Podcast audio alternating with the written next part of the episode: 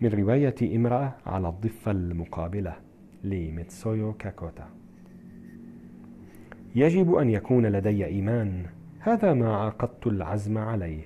لا يمكنني أن أنكص من الخوف. إذا كان هناك عالم يستطيع فيه شخص أحمق أن يخدعني ويخيفني ويسلبني نقودي فثمة عالم آخر يستعد فيه شخص غريب لطيف أن يضع عمله جانبا ويبحث في المكان كله عن غرفة في فندق رخيص. وفي هذه الحالة أختار الإيمان بالأخير.